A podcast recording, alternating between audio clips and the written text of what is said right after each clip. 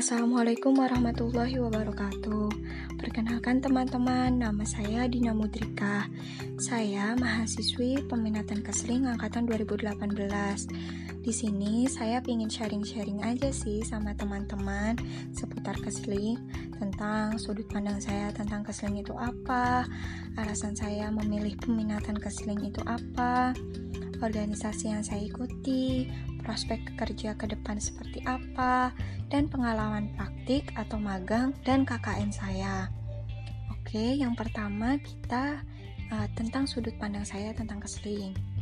Uh, menurut saya, keseling itu asik banget, mencangkup banyak hal, mulai dari sanitasi makanan, manusia, tempat-tempat umum, terus juga sanitasi saat terjadi bencana seperti apa.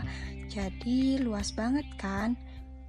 Terus, menurut teori HL Bloom juga, faktor yang paling besar mempengaruhi status derajat kesehatan seseorang itu adalah faktor lingkungan.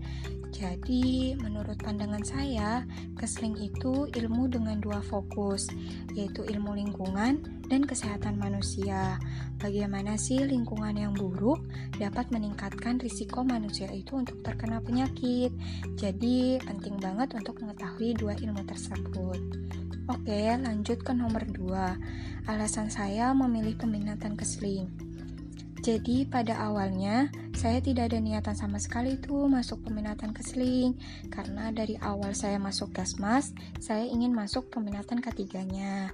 Lalu juga saya pernah memiliki masalah dengan bapak ibu dosen kesling. Tidak semuanya sih, hanya beberapa.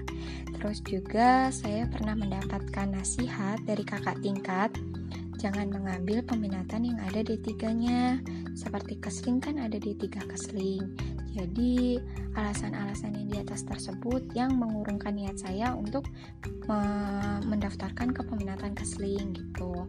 Terus, uh, alasan saya yang bisa bikin saya berubah pikiran itu pas waktu melihat status-status kakak tingkat karena kebanyakan kakak tingkat yang peminatan kesling tuh upload-upload uh, di story-story itu yang seru-seru kayak praktik terus juga ilmu tentang kesehatannya juga nggak ketinggalan.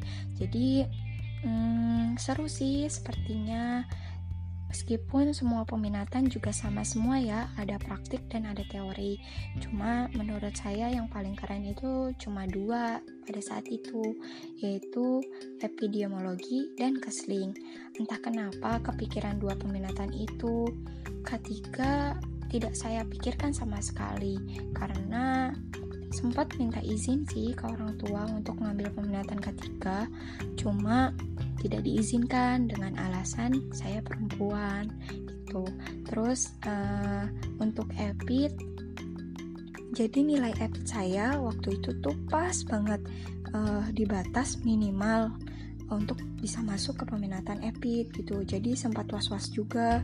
Terus saya juga belum menguasai salah satu mata kuliah yang bak, uh, menjadi titik kunci dari EPIT yaitu manajemen data. Itu masih saya belum kuasai jadi saya agak ragu untuk masuk peminatan EPIT uh, lalu pada saat bincang-bincang peminatan didatakan mau masuk peminatan apa akhirnya saya bulat untuk memilih kasling hehehe. Jadi saya lupain tuh alasan-alasan yang di atas Oke, lanjut ke nomor tiga ya Tentang organisasi yang saya ikuti Dan nyambung gak sih sama kesling Jadi uh, organisasi yang saya ikuti itu Ada yang namanya ISMKMI Ikatan Senat Mahasiswa Kesehatan Masyarakat Indonesia di mana itu organisasi itu kumpulan senat senat itu seperti BEM atau HIMA uh, kesehatan masyarakat se-Indonesia baik perguruan tinggi negeri maupun swasta. Jadi saya masuk di SMKMI itu jauh sebelum peminatan. Jadi kalau menurut saya terkait dengan keseling itu ada dua divisi yaitu Direktorat Pengmas dan uh, Badan Khusus Siaga Bencana. Kalau uh, untuk Direktorat Pengmas itu contoh prokjanya ada sekolah binaan di mana kami membina sekolah-sekolah yang dari segi pengetahuan tentang kesehatan itu kurang atau rendah. uh, contohnya seperti PHBS jajanan uh, sehat kantin sehat seperti seperti itu terus uh, kalau untuk badan khusus siaga bencana itu seperti hmm, melakukan penggalangan dana ter, uh, jika ada bencana alam seperti itu. Terus juga bekerja sama dengan BPBD dalam melakukan pelatihan-pelatihan tentang penanggulangan bencana. Kalau sekarang sih lagi fokus COVID-19 ya, kayak ngelakuin kajian-kajian baik secara mandiri maupun dengan AUMKI. Uh, AUMKI tahu? AUMKI itu adalah Aliansi Organisasi Mahasiswa Kesehatan Indonesia. Jadi, kumpulan-kumpulan mahasiswa kesehatan seperti dokter, perawat, dokter gigi, terus juga uh, farmasi seperti itu. Jadi bekerja sama uh, dalam melakukan kajian-kajian tentang COVID-19. Oke, lanjut ke nomor 4 ya, tentang prospek kerja lulusan keseling.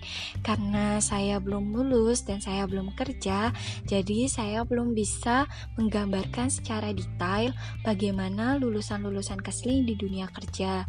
Tetapi kalau melihat kakak tingkat, banyak sekali kakak tingkat yang setelah lulus langsung uh, bekerja di instansi-instansi kesehatan maupun perusahaan.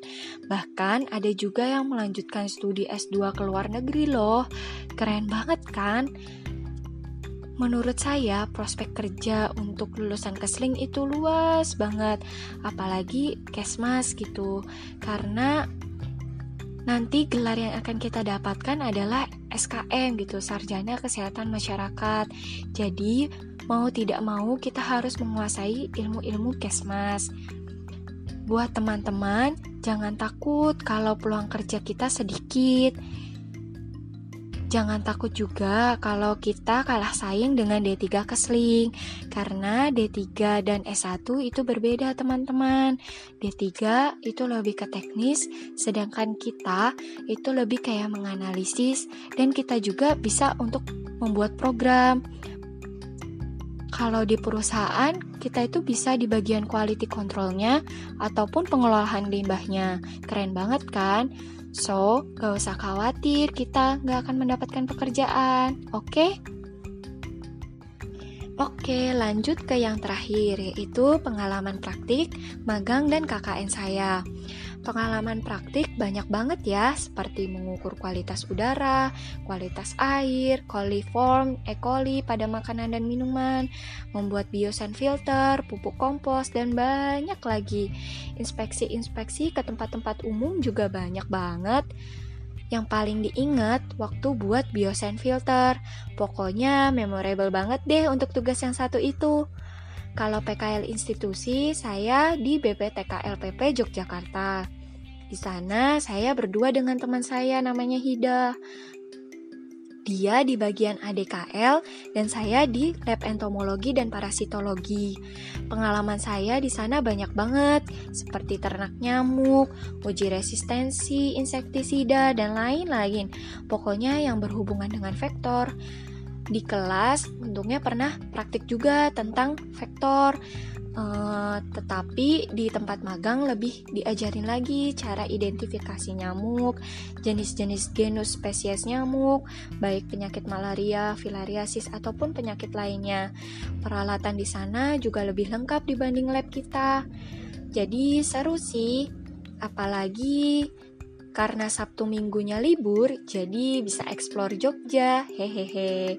Tapi ternyata yang paling saya syukuri adalah pengalaman magang saya bermanfaat untuk skripsi saya sekarang. Untuk pengalaman KKN yang nyambung dengan kesling, Hmm, apa ya? Mungkin PHBS, pemanfaatan barang-barang bekas, terus prokja utama kelompok kami waktu itu tuh desa vertikultur gitu. Pokoknya KKN mah senang-senang aja. Meskipun pelaksanaan program dan laporannya ribet, tapi kan bareng-bareng, jadi seneng aja sih. Oke, sekian dulu ya sharing-sharing sama saya. Semoga bermanfaat. Jaya terus sanitarian Indonesia. Wassalamualaikum warahmatullahi wabarakatuh.